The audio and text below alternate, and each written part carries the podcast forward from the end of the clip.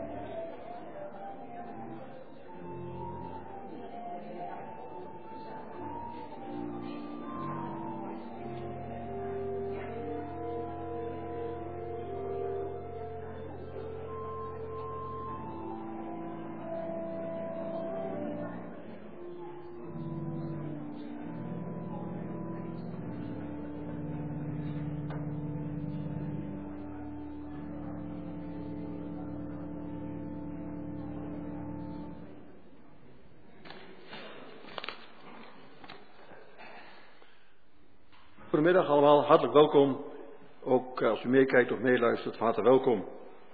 Deze dienst gaat voor de dominee Ad Kramer uit Zwolle een gezegende dienst toewenst.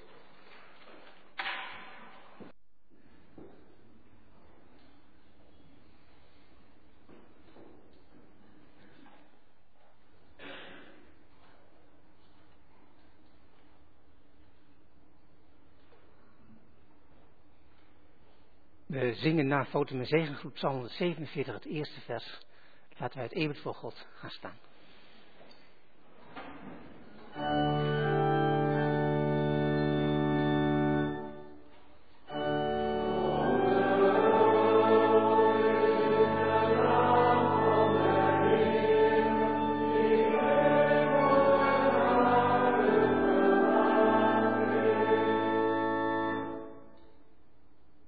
genade, barmhartigheid en vrede voor u van God onze Vader, door Christus Jezus onze Heer, in gemeenschap met de Heilige Geest.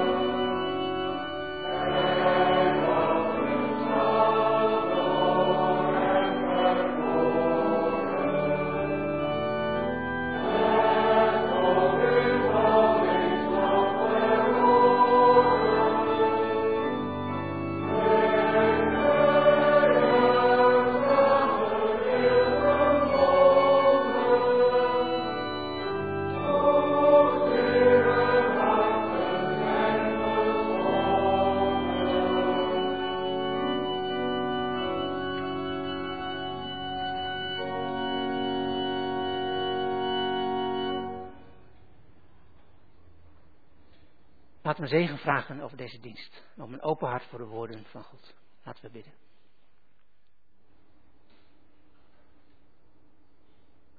Heer onze God, onze Vader in de hemel. Wij danken dat u ons hier ook vanmiddag bij elkaar brengt. Samen in uw huis. En rondom uw woord. Heer, we danken u dat wij u mogen leren kennen als een groot en heilig God. Een God die wij nooit zelf zouden bedenken of zouden willen bedenken. Een God die barmhartig is en rechtvaardig, hoogheilig. Schepper van onze kosmos en ook de schep van ons eigen leven.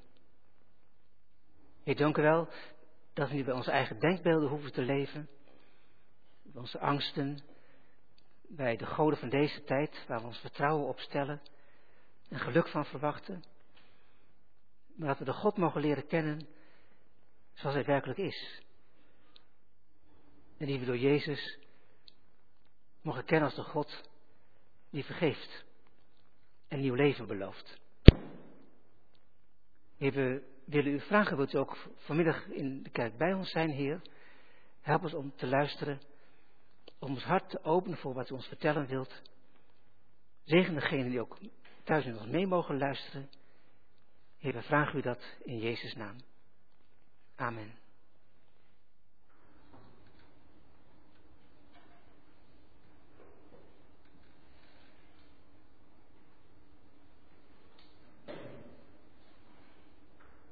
Heeft onze God een vrouw? En heet die vrouw dan Ashera?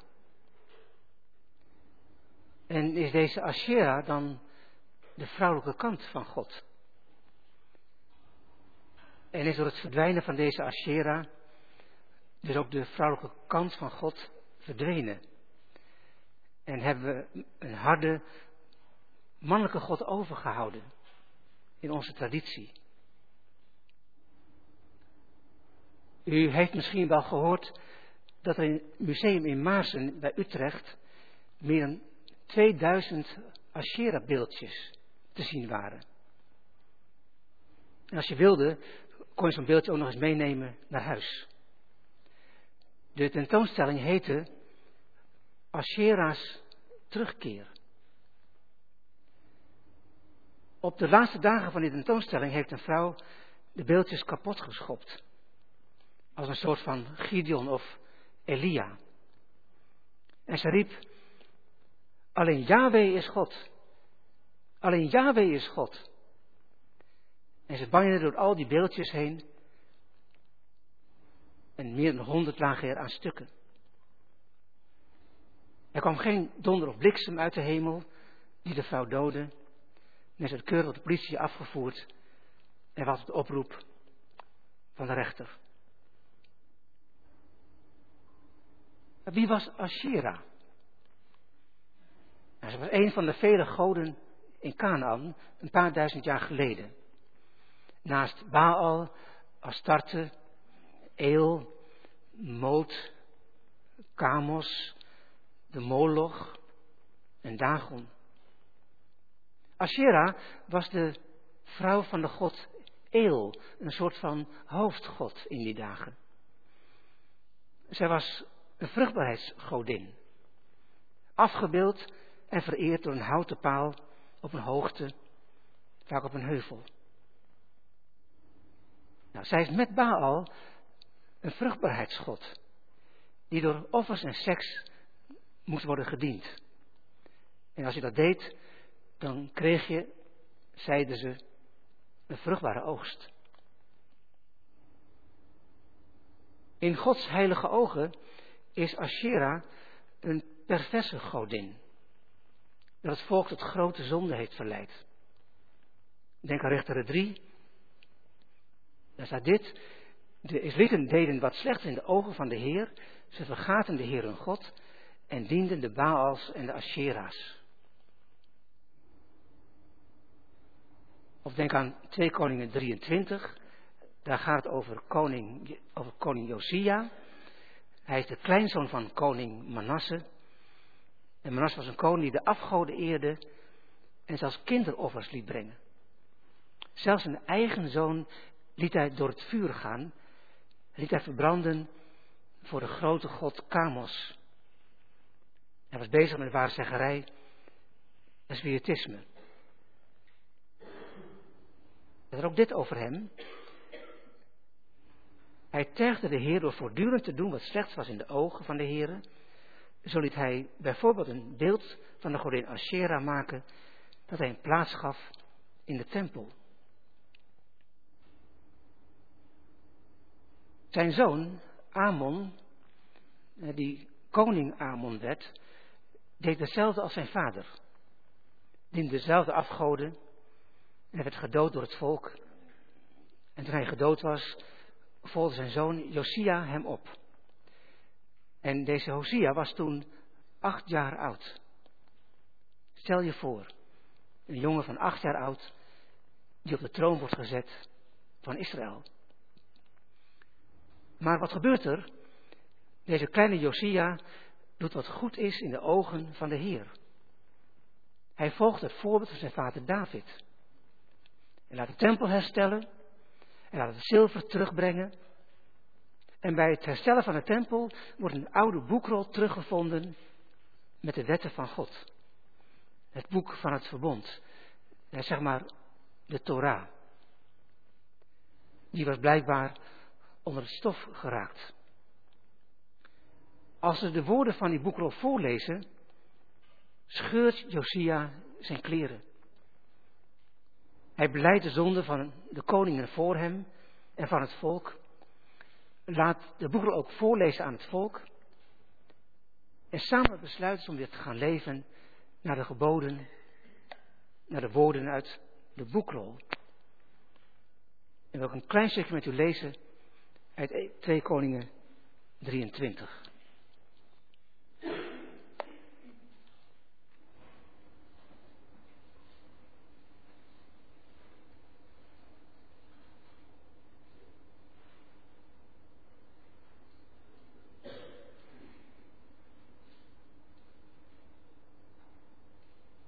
1 tot en met 8. Dan lezen we dit.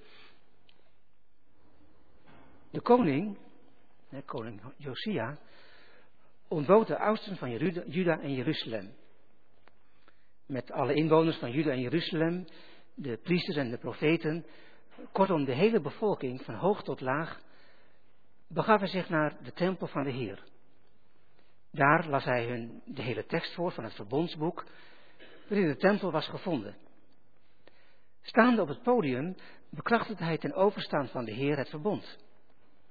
Hij beloofde dat ze de Heer zouden volgen en zich geheel en al zijn geboden zouden houden. Zijn geboden, voorzetten en bepalingen, om zo het verbond dat in deze boekrol was vastgelegd met hart en ziel na te leven, heel het volk daartoe tot dit verbond. Vervolgens beval de koning dat de hoge priester Gilkia met zijn plaatsvervangers en de priesters die aan het hoofd van de tempelwacht stonden, alle voorwerpen uit de tempel van de Heer moesten halen, die voor Baal, Asherah en de hemellichamen waren gemaakt. Deze voorwerpen verbrandde hij buiten de stad, op het braakliggende terrein bij de Kidron, en de as liet hij naar Bethel afvoeren. Hij ontsloeg de afgodspriesters die door de koning van Juda waren aangesteld om offers te ontsteken op de offerplaats in de steden van Juda, in de omgeving van Jeruzalem, en stuurde de priesters weg die de offers ontstaken voor Baal en voor de zon, de maan en de sterren, voor alle hemellichamen. Hij liet de Asherah-paal uit de tempel van de Heer verwijderen en buiten de stad brengen, naar de bedding van de Kidron. Daar werd hij verbrand en de resten werden verpulverd en over het begraven van het gewone volk uitgestrooid. Hij liet in de tempel de vertrekken afbreken waarin de mannen gehuisvest waren die zich aan afgoden gewijd hadden en waarin de vrouwen kleren weefden voor Asherah. Alle priesters uit de steden van Juda lieten naar Jeruzalem komen. In het hele land van Geba tot Beersheba liet hij de offerplaatsen wijden waar de priesters offers ontstoken hadden. Ook de offerplaatsen links van de stadspoort bij de ingang van de poort van stadscommandant Joshua haalde hij neer.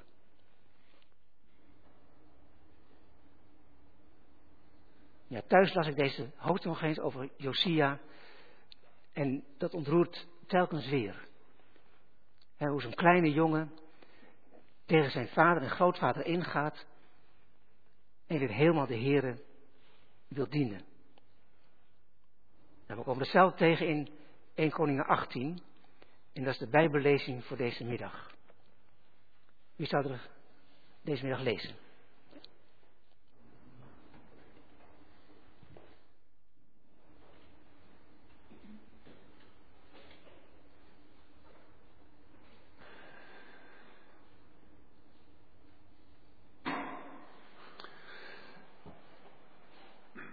Obadja zocht Agab op en vertelde hem dat Elia eraan kwam. Agab ging Elia tegemoet. En zodra hij hem in het oog kreeg, riep hij uit: Bent u er eindelijk, u die Israël in het ongeluk stort? Elia antwoordde: Niet ik stort Israël in het ongeluk, dat doet u zelf. U en het koningshuis van uw vader, omdat u de geboden van de Heer naast u hebt neergelegd en de Baals bent gaan vereren. Welnu, laat heel Israël naar mij toekomen op de Karmel Laat alle 450 profeten van Baal bij me komen. En ook alle 400 profeten van Asherah, die door Isabel aan het hof zijn opgenomen. Agab stuurde boden naar alle stammen van Israël en liet ook alle profeten op de Karmel bijeenkomen. Daar sprak Elia het volk als volgt toe. Hoe lang blijft u nog op twee gedachten hinken? Als de Heer God is, volg hem dan. Is Baal het? Volg hem dan. De Israëlieten gaven geen antwoord. Toen zei Elia, ik ben de enige profeet van de Heere die nog over is. De profeten van Baal zijn met 450 man. Breng ons twee stieren. En zij mogen als eerste een stier uitkiezen. Laat ze die in stukken snijden en op een brandstapel leggen, maar ze mogen het hout niet aansteken. Ik zal de andere stier gereed maken en op een brandstapel leggen, maar ik zal het hout niet aansteken. U moet de naam van uw God aanroepen en ik zal de naam van de Heer aanroepen. De God die antwoordt met vuur is de ware God. Heel het volk stemde met dit voorstel in. Begint u maar, u bent met velen, zei Elia tegen de profeten van Baal. Kies maar een dier en maak het gereed voor het offer. Roep dan de naam van uw God aan, maar steek het hout niet in brand. De profeten namen een van de twee beschikbare stieren en maakten die voor het offer gereed. De hele morgen lang riepen ze Baal aan. Baal, geef ons antwoord. Maar het bleef stil en niemand gaf antwoord, hoe ze ook dansten en sprongen rond het altaar dat daar was opgericht. Toen het middaguur aanbrak, begon Elia hen te honen. Roep zo hard als u kunt, hij is toch een God? Hij is zeker in pijns verzonken. Ik denk dat hij zich even moest afzonderen. Is hij soms op reis gegaan? Misschien slaapt hij en moet u hem wekken. De profeten riepen uit alle macht en brachten zichzelf, zoals hun gewoonte was, met zwaarden en lansen verwondingen toe, tot het bloed over hun lijf stroomde. In vervoering bleef ze schreeuwen. Maar ook toen het middaguur al lang voorbij was en het uur voor het graanoffer aanbrak, was er nog steeds geen enkele reactie gekomen. Het bleef stil, niemand gaf antwoord. Elia zei tegen de Israëlieten dat ze naar hem toe moesten komen. Toen ze bij hem waren gekomen, bouwde hij het verwoeste altaar van de Heer erop. Hij nam twaalf stenen, evenveel als het aantal stammen van Israël, de nakomelingen van de zonen van Jacob, tot wie de Heer had gezegd, Israël is je nieuwe naam. Met die twaalf stenen maakte hij een altaar ter ere van de Heer en daaromheen liet hij een geul graven met een lengte van 300 el. Hij stapelde het brand op, sneed het dier in stukken en legde die op de brandstapel. Toen zei hij, vul vier kruiken met water en giet die over het offer en het brand uit. uit. En toen dat gebeurde, liet hij het nog een tweede en een derde keer doen. Het water liep over het altaar heen en de geul eromheen kwam vol water te staan. Toen het uur voor het graanoffer was aangebroken, trad de profeet Elia op het altaar toe en zei, Heer, God van Abraham, Isaac en Israël, vandaag zal blijken dat u in Israël God bent en dat ik u dien en dat dit alles in uw opdracht heb gedaan. Geef mij antwoord, Heer, geef antwoord. Dan zal dit volk beseffen dat u, Heer, God bent en dat u het bent die hem tot inkeer brengt. Het vuur van de Heer sloeg in en verteerde het brandoffer met brandhout, stenen, as en al. Zelfs het water in de gul likte het op. Alle Israëlieten zagen het en allen wierpen zich voorover op de grond en riepen, de Heer is God, de Heer is God. Toen zei Elia tegen hem, grijp de profeten van Baal, laat niet één van hen ontkomen. De profeten werden gevangen genomen en Elia liet hen afdalen naar het dal van Kison, waar hij hen ter dood liet brengen. Tegen Agab zei Elia, ga nu wat eten en drinken, ik hoor het geruis van de stortregen al. Agab ging iets eten en drinken en Elia ging naar de top van de karmel. En daar ging hij gehurkt op de grond zitten, met zijn gezicht tussen zijn knieën. Zijn knecht droeg hij op, ga je eens kijken, de kant van de zee uit. De knecht ging kijken, maar toen hij terugkwam zei hij, er is niets te zien. Zeven keer stuurde Elia hem terug. En toen de knecht voor de zevende keer was gaan kijken, zei hij, er komt een klein wolkje uit zee opzetten, niet groter dan een handpalm. Daarop zei Elia, ga snel naar Agab en zeg hem dat hij zijn wagen moet inspannen en vertrekken, anders zal de regen hem de weg afsnijden. In minder dan geen tijd werd de hemel verduisterd door wolken, stak de wind op en barstte er een enorme regenbui los. Agab reed in de richting van Israël. Elia werd door de hand van de Heer gegrepen. Hij schortte zijn bovenkleed op en rende voor Agab uit, helemaal tot Israël.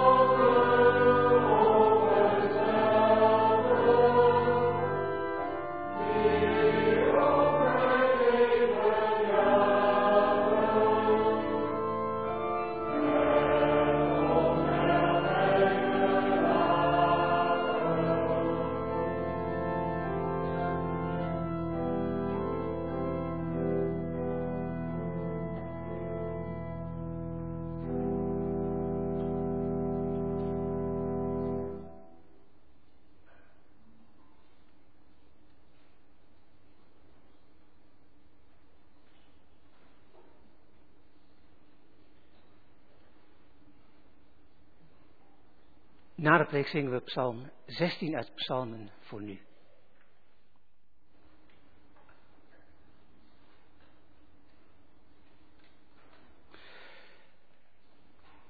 Waarom zou je eigenlijk christen worden?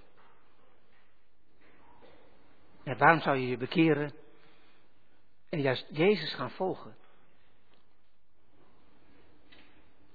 Nou, je zou kunnen zeggen, ja, ik ben Jezus gaan volgen, ik ben christen geworden, omdat het mij troost geeft en rust.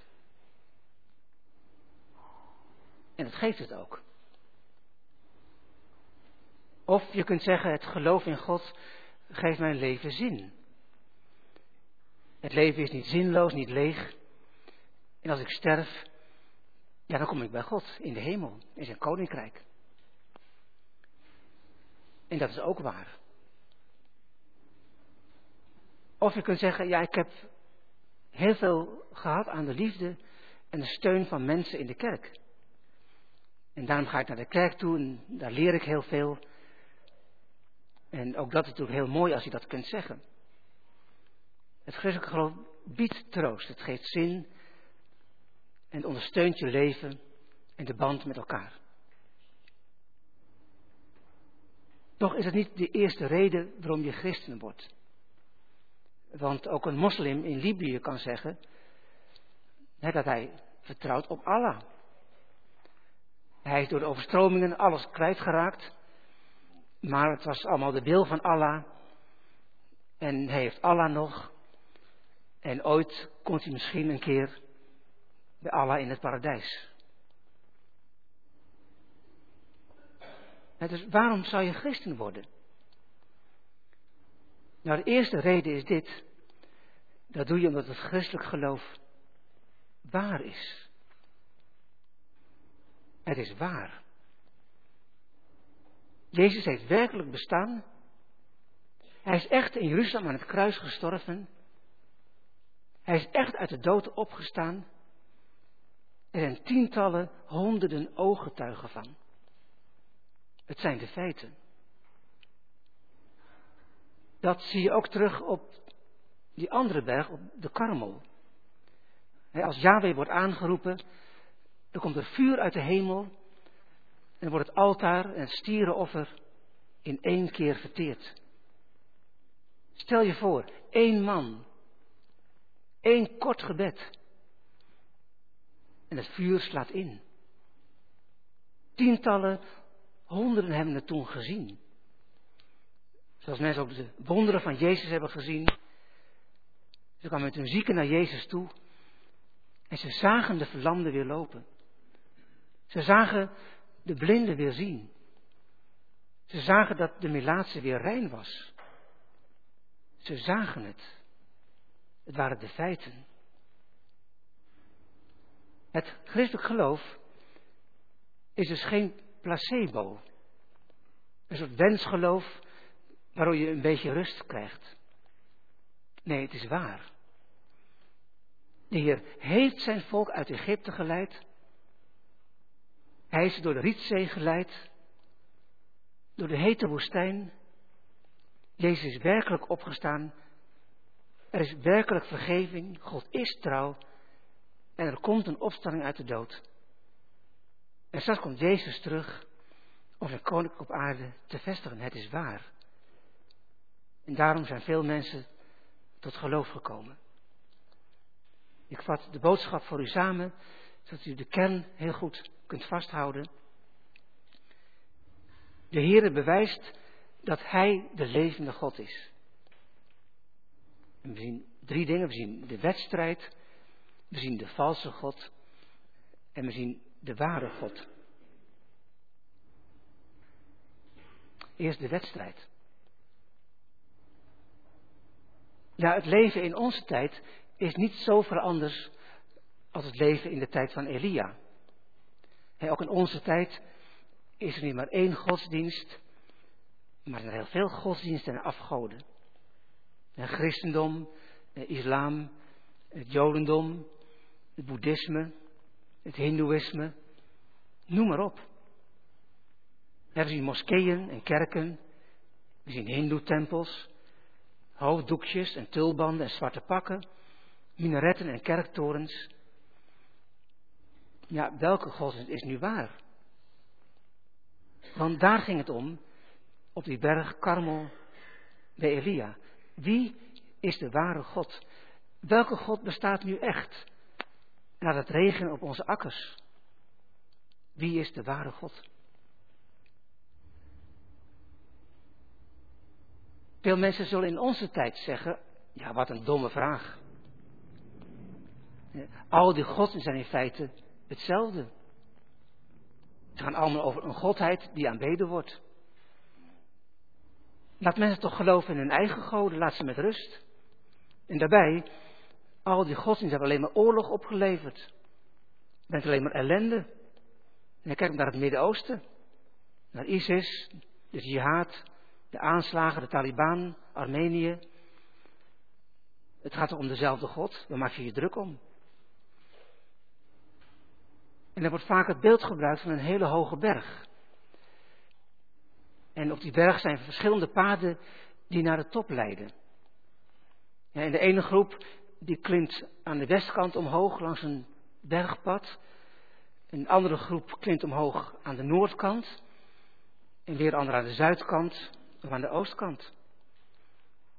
Ze zien elkaar niet en denken allemaal dat er maar één weg is naar de top, hun weg. Eén weg naar God, één ware God. En allemaal roepen ze op hun pad, ons pad leidt naar de top. En jullie pad is fout. Maar als ze dan bij elkaar komen op de top, dan zien ze dat al die wegen naar dezelfde top leiden en naar dezelfde God. Maar is dat zo? Zijn alle godsdiensten in feite gelijk? Is er in feite maar één God? Of misschien wel helemaal geen God? En hebben wij dan die goden allemaal verzonnen om een beetje troost te krijgen? toch een vader in de hemel die voor je zorgt. Maar wie dat zegt, dat alle godsdiensten in feite gelijk zijn, die laat daarmee zien dat hij niets begrijpt en niets weet van al die godsdiensten. Als je heel simpel aan je moslimbuurman zou vragen, is Allah dezelfde God als de God van de christenen? Dan zou je waarschijnlijk heel verontwaardigd nee zeggen. Nee. En in sommige landen loop je zelfs de kans om gedood te worden als je van moslim christen wordt. Neem bijvoorbeeld het hart van het christelijk geloof, Jezus zelf. In de Koran komt Jezus meerdere keren voor. Hij draagt de naam Isha, Jezus, Isha. Ook in de Koran is hij de zoon van Maria. Ook daar doet hij wonderen, is hij een profeet. Maar volgens de Koran is Jezus niet aan het kruis geslagen. Hij is niet uit de dood opgestaan. Hij is niet de zoon van God. Dat is voor een moslim blasfemie, godslastering. Allah heeft toch geen vrouw? Hij heeft toch niet met een vrouw geslapen dat hij nu een zoon heeft? Godslastering. Daarnaast een ander voorbeeld noemen moslims zich slaven van Allah. Slaven die de gunst van Allah moeten verdienen door alle regels en fatwa's te houden. En zij zijn moslim. En moslim bent letterlijk onderworpen. Maar wij geloven dat het juist geen slaven zijn, maar kinderen van God. Wij leven uit dankbaarheid voor de genade die Hij ons gaf. En we we niet hoeven of kunnen verdienen. Misschien kent u wel de beroemde rotskoepel in Jeruzalem. Dat is een grote gouden koepel, een gebouw eh, boven de plek, de rots, waar Mohammed naar de hemel zou zijn gevaren. En men zegt, als je daar binnenkomt en je kan de rots tasten waar Mohammed naar omhoog ging, dat je nog de voetafdruk kunt voelen van Mohammed. Een gouden koepel gebouwd op het tempelplein, het oude tempelplein, waar eens de tempel van Salomo stond. Op de rand van deze rotskoepel staan teksten uit de Koran. Onder andere deze, uit Surah 4. Daar staat, mensen van het boek, ga niet te ver in jullie godsdienst en zeg over God alleen maar de waarheid. De Mashi, de Messias, Isha, Jezus, de zoon van Mariam, is Gods gezant. En zijn woord hij tot Mirjam richtte en een geest bij hem vandaan. Geloof dan in God en zijn gezanten en zeg niet drie. Houd daarmee op. Het is beter voor jullie immers. God is één God. Geprezen zij hij. Dat hij een kind zou hebben. Van hem is wat er in de hemel en wat er op de aarde is. God is goed genoeg als voogd. Weet u, de kloof is heel erg groot. Niet dezelfde godsdienst. Ja, misschien vindt u mij nu wat scherp en wat, ja, misschien zelfs wat intolerant. zijn christenen dan beter dan moslims? Nee, dat zeg ik niet. Christenen zijn niet beter. Ook niet slechter. Wij zijn allemaal kwetsbare mensen die moeten leven van genade. En toch is het christelijk geloof heel erg intolerant.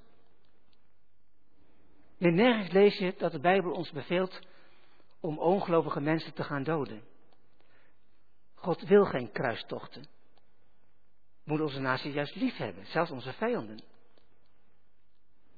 En toch is het christelijk geloof heel erg onverdraagzaam, erg intolerant. En weet u waarom?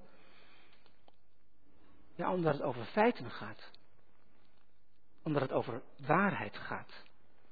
En feiten zijn feiten.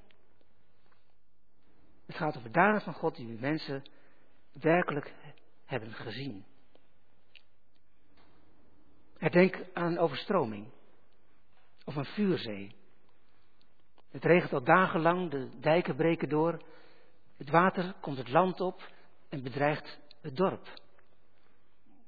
Een man heeft het gezien, rent het dorp binnen, schreeuwt: Het water komt eraan, Pak je auto en vertrek, nu. En dan ga je niet op een bankje zitten of je pijpje aansteken om er eerst eens even over na te gaan denken. Nee, je moet gaan rennen, want het water komt eraan. Laat alles achter je en red je leven en dat van anderen. Dat is de boodschap van het christelijk geloof. Het vuur komt eraan, het water komt eraan. Het gaat over feiten. Jezus is gekruisigd, hij is opgestaan uit de dood, hij troont in de hemel, hij heeft de poort naar het paradijs weer opengebroken. En nu is er een opening in het universum naar eeuwig leven en naar eeuwige blijdschap. En je kunt alleen maar door die opening, er is maar één weg. Laat alles achter en volg Jezus.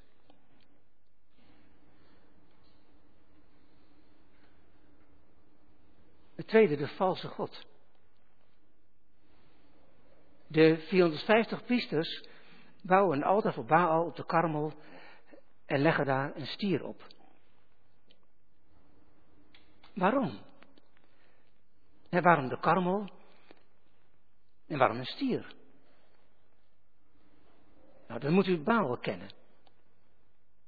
Baal betekent Heer. Hij is de Heer van de regen de Heer van de bliksem, de Heer van de vruchtbaarheid. En als je deze Baal eert en offers brengt, geeft deze Heer jou vruchtbaarheid en voorspoed. En wie wil dat niet? Kijk, dit is een afbeelding van Baal die in Canaan is gevonden. En hier zie je wie Baal is. Niet direct hoe hij eruit ziet, maar wel hoe hij is. Nou, als je goed kijkt, dan zie je dat deze Baal heel erg groot is. Hij vult de hele stelen. Op de achtergrond zie je een heel klein figuurtje. En het dient ertoe om te laten zien hoe groot en machtig Baal wel niet is. Op zijn kop zie je twee horens. De horens van een stier. En in die dagen was een stier het toonbeeld van vruchtbaarheid en kracht. Van potentie en seks. In zijn linkerhand heeft hij een stok in de vorm van een bliksemschicht. In zijn rechterhand een grote knots.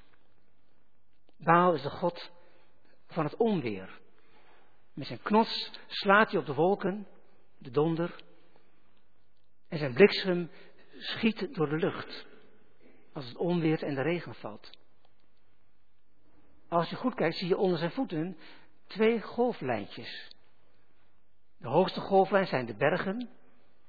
Waar is de God van de bergen, van de Karmel. En ook de God van de zee, van het water. De onderste golflijn. Waarom nu de Karmel? Nou, de Karnieten dachten in die dagen dat Baal op de Karmel woonde. De regens kwamen vaak vanaf zee, in wolken, naar Canaan toe drijven. Ze kwamen over de Karmel heen drijven, zo het land Canaan binnen, om daar de regen te laten vallen. Dus dachten mensen, Baal woont op de Karmel. Op de Karmel speelde Baal dus een thuiswedstrijd. Alles was in zijn voordeel. de Karmel zelf, zijn huis, het stierenoffer, zijn dier. Wel, 450 Baalpriesters die zongen en schreeuwden om regen, in hun armen sneden tot bloedens toe, scandeerden als fanatieke supporters de naam van Baal en dansen urenlang rondom zijn altaar. Nou, wij kennen de afloop. Er is geen Baal, er geen God van de regen die antwoord geeft. Geen wolken, geen regen, geen vuur, alleen een brandende zon en oorverdovende stilte. Alsof hij niet bestaat. En dan mag Elia in zijn eentje. Hij bouwt een altaar met twaalf stenen, graaft een greppel rond het altaar, laat een stier slachten en een stukken snijden, legt delen op het altaar, laat kruiken met honderd liters water over het altaar lopen in de greppels. Als hij alles heeft klaargemaakt, roept hij God aan. Door de stilte klinkt zijn stem. Heer, God van Abraham, Isaac en Israël, vandaag zal blijken dat u in Israël God bent. En dat ik u dien en het als een opdracht van u heb gedaan. Geef mij antwoord, Heer, geef mij antwoord. Dan zal het volk beseffen dat u, Heer, God bent en dat u het bent die hen tot inkeer brengt. En toen niet uitgesproken, of vuur van God slaat in in het offer, het brandhout, en verteert alles. Het water in de greppel verdampt. Het volk ziet het, valt op de knieën en roept, Yahweh is God. Yahweh is God. Wat moet dat indrukwekkend zijn geweest?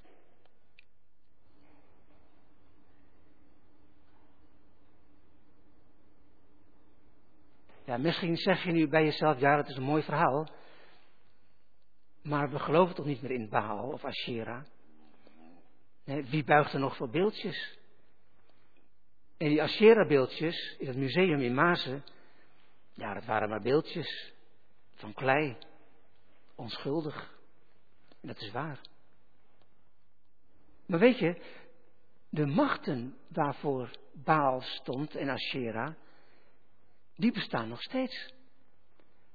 En goden van vruchtbaarheid en seks. Nee, wij hebben geen beeldjes meer. Die staan in musea. Maar we hebben wel de duizenden beelden op pornosites. En die porno-industrie heeft miljoenen mannen en vrouwen in zijn macht. Er gaan miljarden in om. Vrouwen, mannen en kinderen worden op grote schaal geofferd, opgeofferd aan de begeerten van mensen. Verhandeld, gedwongen, misbruikt. Dat moet daar een vreselijk verdriet achter schuil gaan. Beschadigd voor het leven. Grootschalig, grensoverschrijdend gedrag. Het gaat in onze dagen vaak over MeToo. En over Marco Borsato. En daar zijn we verontwaardigd over. En dat zijn we terecht. Maar het gaat bijna nooit over die enorme porno-industrie. En als het erover gaat, wordt vaak een beetje weggelachen. Zoals aan de tafel van vandaag Insight. Terwijl heel die industrie miljoenen levens beschadigt. En weet u, onze kinderen en onze kleinkinderen kunnen het allemaal zien. Op een laptop, op een mobieltje. En reken maar dat het grootste deel van onze kinderen er ook echt naar kijkt. Verslaafd kan raken. Dat wordt een beeld van seksualiteit. Het breekt als een vuur hun hart binnen en beschadigt hun idee van liefde en seks en maakt ze eenzaam. Het vuur van deze begeerten beschadigt veel huwelijken. Schuldgevoel en schaamte sluiten de weg naar God en naar zijn liefde en zijn bedoelingen. Want God en porno passen niet in één mensenhart. En mensen voelen dat. Wat verschrikkelijk. Ik denk vaak, waarom laat God geen vuur uit de hemel neerdalen op deze donkere industrie? Waarom wel toen de karmel en niet vandaag? Het laatste, de derde, de ware God.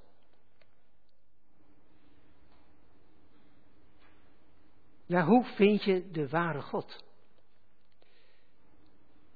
Ja, die vind je door het vuur. Het vuur van Gods liefde. Want dat is het grote verschil tussen Baal en Yahweh.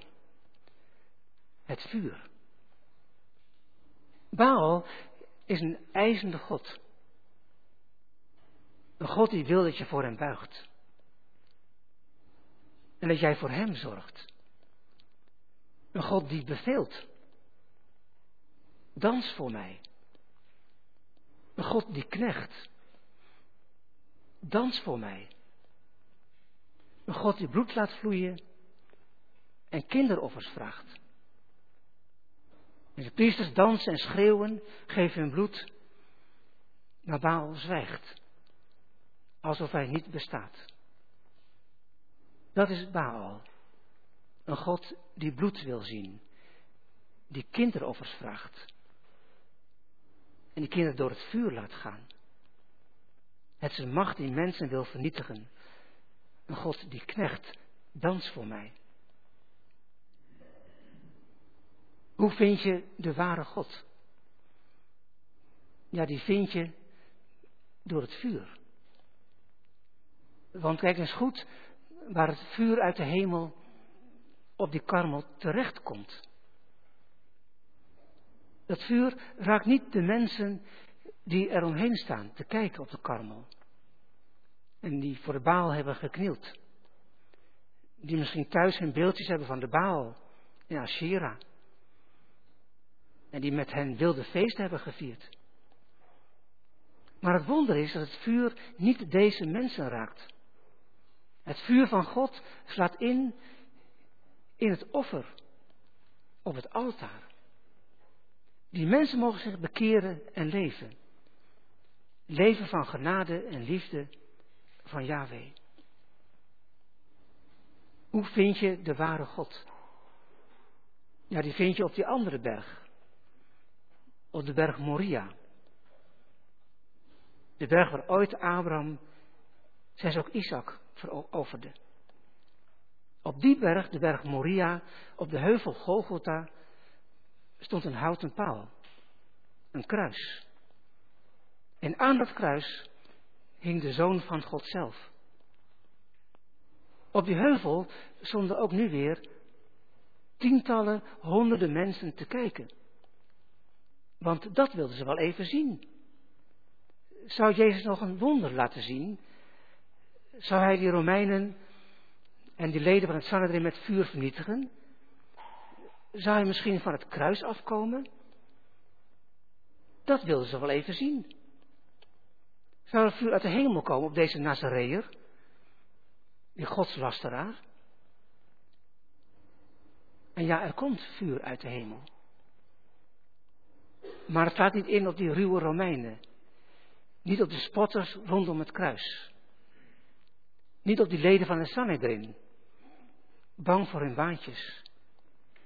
Nee, ook dan, zelfs dan, staat het vuur niet in op de mensen die eromheen staan, rondom het kruis.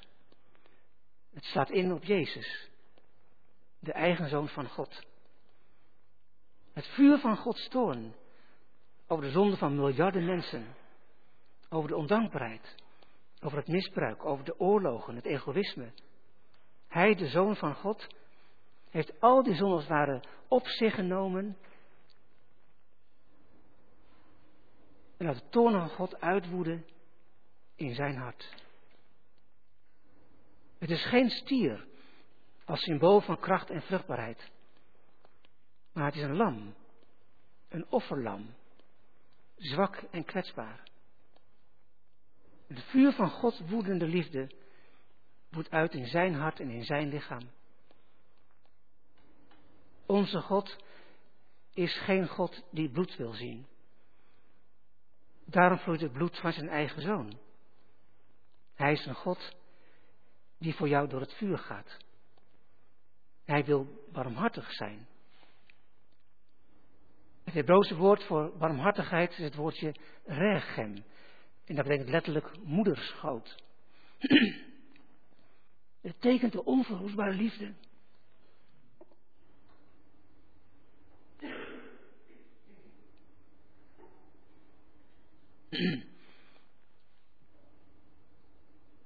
Het tekent de onverwoestbare liefde van een moeder voor haar kind. In God vind je ook de vrouwelijke kant weer terug. Hoe vind je de ware God? Die vind je door het vuur. Door het vuur van zijn liefde jouw hart wil raken. Het is niet genoeg om bewijzen te hebben. Het bewijst dat God bestaat. Of een bijzondere ervaring. Dat bewijs levert God elke seconde dat je leeft. De bewijzen raadt God al in jouw verstand. Maar deze God wil meer. Hij wil jouw hart. Hij wil jouw liefde, je overgave, je vertrouwen. Hij wil kinderen. Hij wil jouw vader zijn. Amen.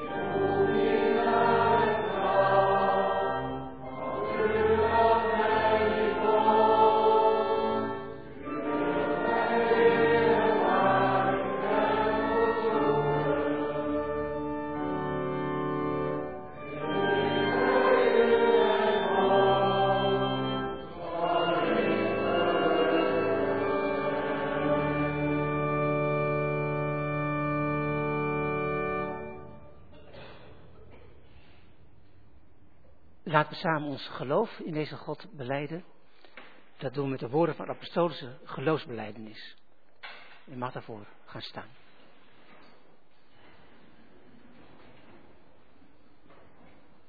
Ik geloof in God de Vader, de Almachtige, Schepper van de hemel en de aarde. En in Jezus Christus zijn enige geboren Zoon, onze Heer, die ontvangen is van de Heilige Geest, geboren uit de Maagd Maria. Die geleden heeft onder Pontius Pilatus, is gekruisigd, gestorven en begraven, neergedaald in de hel. Op de derde dag opgestaan uit de doden, opgevaren naar de hemel en zit aan de rechterhand van God, de Almachtige Vader. Vandaar zal hij komen om te oordelen de levenden en de doden. Ik geloof in de Heilige Geest. Ik geloof in heilige, algemene, christelijke kerk, de gemeenschap der heiligen, vergeving van de zonden, opstanding van het vlees en een eeuwig leven.